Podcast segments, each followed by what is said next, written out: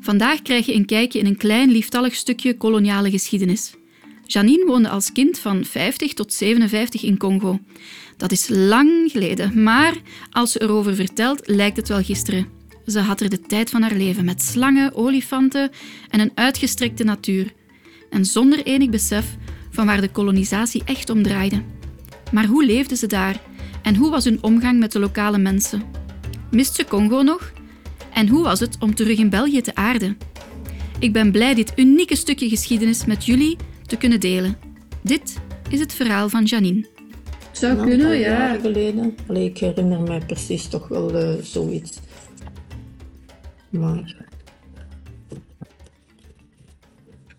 Palmbomen, natuurlijk. ja, ja. Mooie natuur, hè, Janine? Nou, dat is, dat is, ja, dat kan je niet vergelijken hier, hè. Met hier, hè. Dat kan je niet vergelijken, hè. Het is dat wat dat wij missen, hè. Als ik ga wandelen en ik ga in een bos wandelen, ja, dan heb ik gewandeld. Maar ik heb daar geen energie uit gehaald. Maar ga ik wandelen waar dat ik een heel ver zichten heb, ja, dan kom ik thuis en dan heb ik energie opgedaan. Dan voel ik mij vrij. En het is dat wat dat wij ook altijd gevoeld hebben, die vrijheid. Wij konden nog buiten spelen, wij liepen in, in, in de broes, wij, wij kwamen, ja... Dat kan je niet vergelijken met de kinderen die nu opgroeien hier op hun appartementen Ja. of, of eh, in hun klein koerken. Die kinderen die zullen nooit die, die, die vrijheid eh, gehad en, eh, hebben wat, wat wij wel gehad hebben. Hè.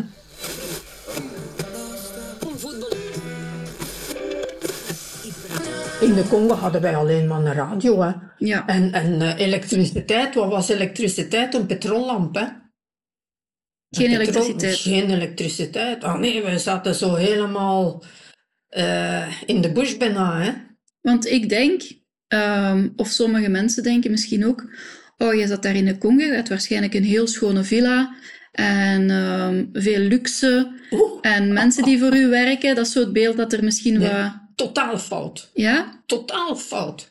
Warm water? Kan ik me niet herinneren dat wij warm water hadden. Ja. Eigenlijk primitief, redelijk primitief. Primitief, ja. Wij, wij, wij gingen eh, bij vrienden op bezoek die nog dieper de bush in, in zaten. Hè. En eh, ja, die leefden in, in een kaban, zoals hè, een paar houten palen, daar leemt met een strodak. En als wij s'avonds gingen slapen, en dan sliepen wij allemaal tezamen, mijn vader, mijn moeder en, en eh, broer en, en zus, eh, in, in, in één hutteke zo. En eh, dan ineens werden wakker, omdat die hut dat begint te, te, te, te schodderen van links naar rechts. En dan mijn moeder... En dan s'morgens gingen kijken, ja, wat was dat? Aan een olifant die zo tegen hè, eh, een, van die wanden zijn rug een keer eens kwam schudden. Hè? Want overal lag, zag je dan zo van die shit en liggen. Ja, dat, dat was het leven in Afrika. Niet een huis hier. eh, ramen stonden er niet in. Je had zo van die luiken die je dan wel kon dicht doen. Het bed, dat waren vier planken.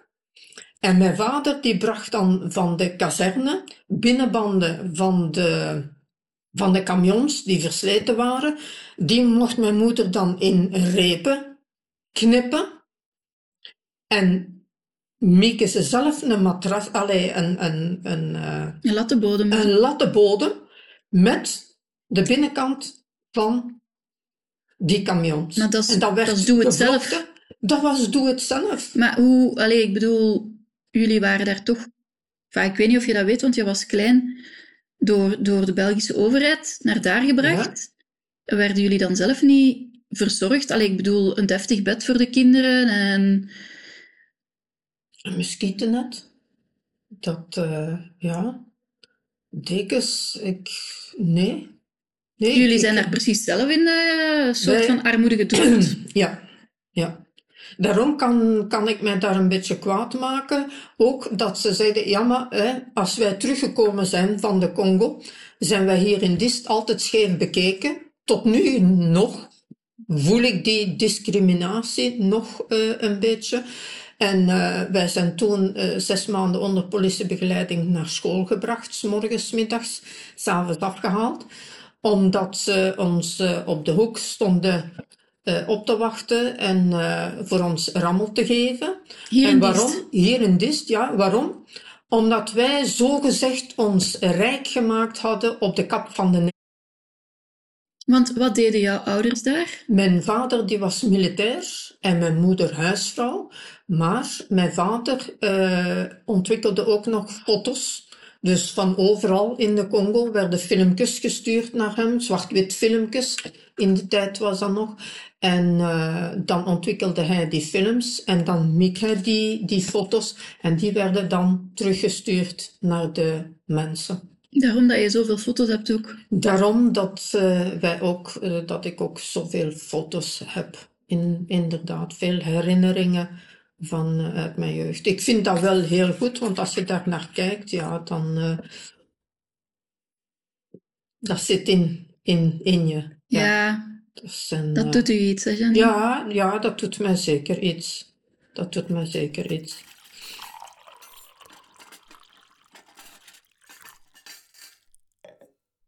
Wat heb je als kind meegemaakt? Um, dat, echt, dat je zegt, ja, dat, dat, had, dat, dat had ik in België niet kunnen meemaken daar. Wij hadden geen voetbal, hè. Dus dan gingen wij naar die Congo-stroom met onze vriendjes. Hè.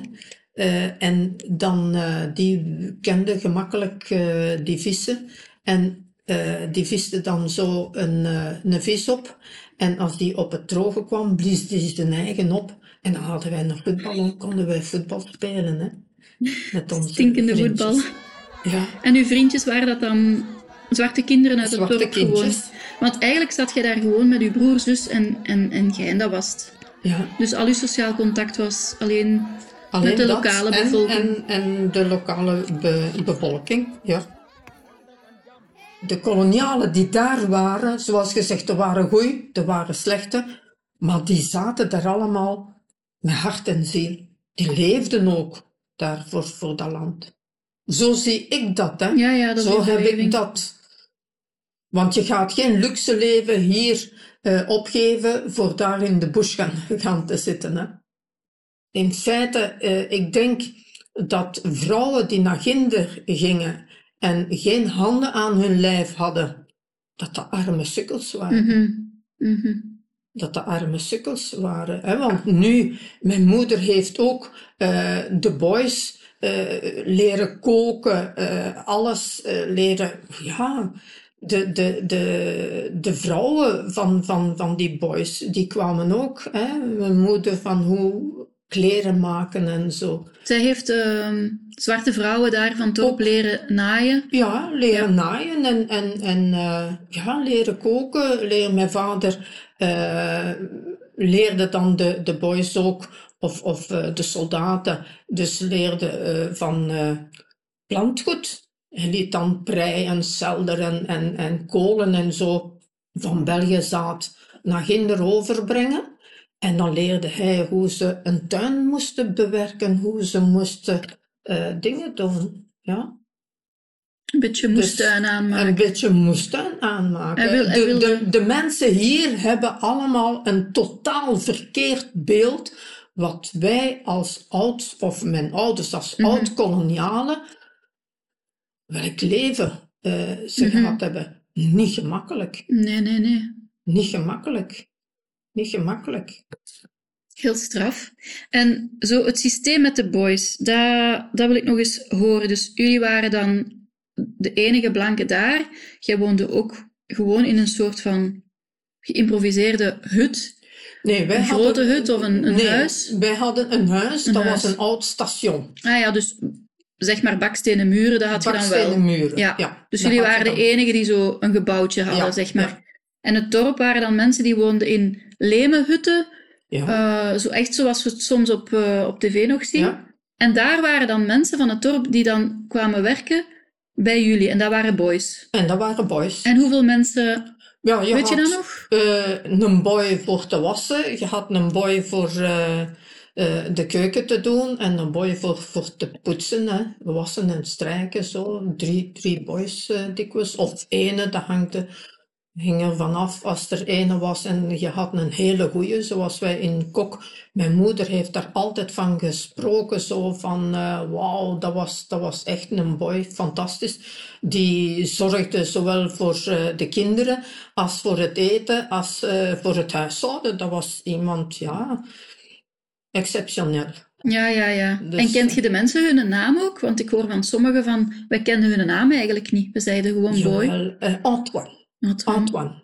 En ik heb uh, ooit een boekje gelezen en, uh, van over, over Congo. En daar kwam een, een verhaal in, ook van blanke mensen van in Kok, die een zekere Antoine uh, als boy gehad hebben en dat die er ook zo content van waren. Ik dacht, dat kan niemand anders geweest zijn. Dat moet dezelfde. Dat moet dezelfde geweest zijn. Mm -hmm. Dat moet dezelfde geweest zijn. En waren dat dan werkkrachten? Die kregen dan loon en zo? Die kregen loon. Ja. Ja, die kregen loon. Dus het is niet, ja... Het is niet dat wij... Het, is niet dat, dat is nog, het gaat niet meer over de slavernij. Daar gaat het nu niet nee. meer over in dat verhaal. Nee. nee. Ja. Hadden jullie echt contact met de boys of waren dat meer ja, mensen die voor u werkten? Of was dat een stuk van de familie op den duur? Dat, dat, dat, was een stuk van de familie. Ik heb hier een, een foto. Hier, voilà. Uh, waar dat een boy bij ons op staat. Dat was met uh, Sinterklaas. Ben je nog ooit terug geweest naar Congo? Nee. Nooit nee. meer terug geweest? Nooit meer terug geweest. En ik weet ook niet, uh, heb ik daar behoefte aan? Ik ben een beetje bang voor de confrontatie. Van, ga ik dat wel aankunnen? Of, uh, ja, zoveel jaren die, die weg zijn. -hmm.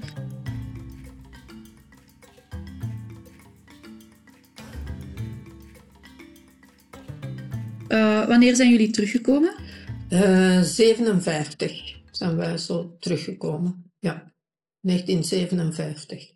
Dus niet tot, tot aan de onafhankelijkheid? Nee, nee. Omdat uh, daar begon al zo het een en het ander te broeden.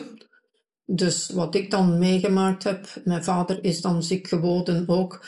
En dan heeft mijn moeder op een bepaald moment gezegd, het is genoeg geweest voor hier. Ze voelde zich ook niet meer veilig.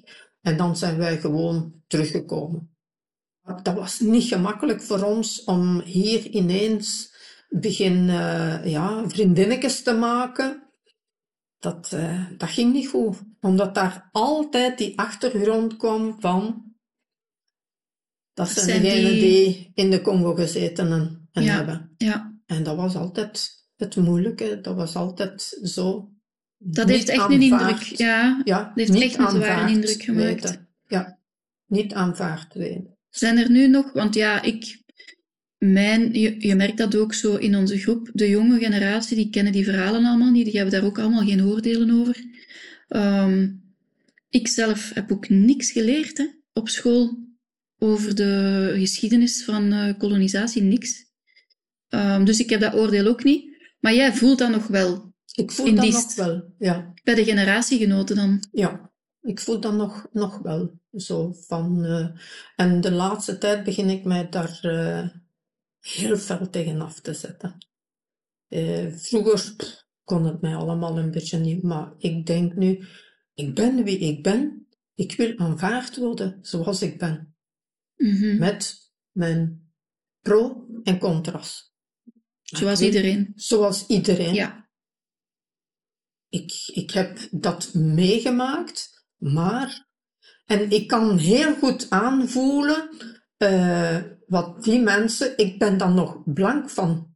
Maar wat zij moeten uh, meemaken. Ja, de zwarte medemens bedoel ja, je? de zwarte ja, ja. medemens, wat dat die moet, moet meemaken, omdat ze daar dan nog, bij mij zien ze dat dan nog niet direct. Janine, heel erg bedankt voor u, al uw verhalen.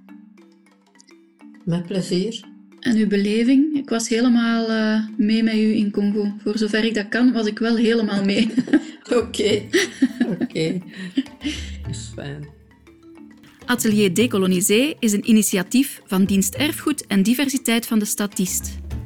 Deze podcast wordt u van harte aangeboden in de hoop u te kunnen inspireren om zelf een steentje bij te dragen in de decolonisatie van onze maatschappij en mentaliteit.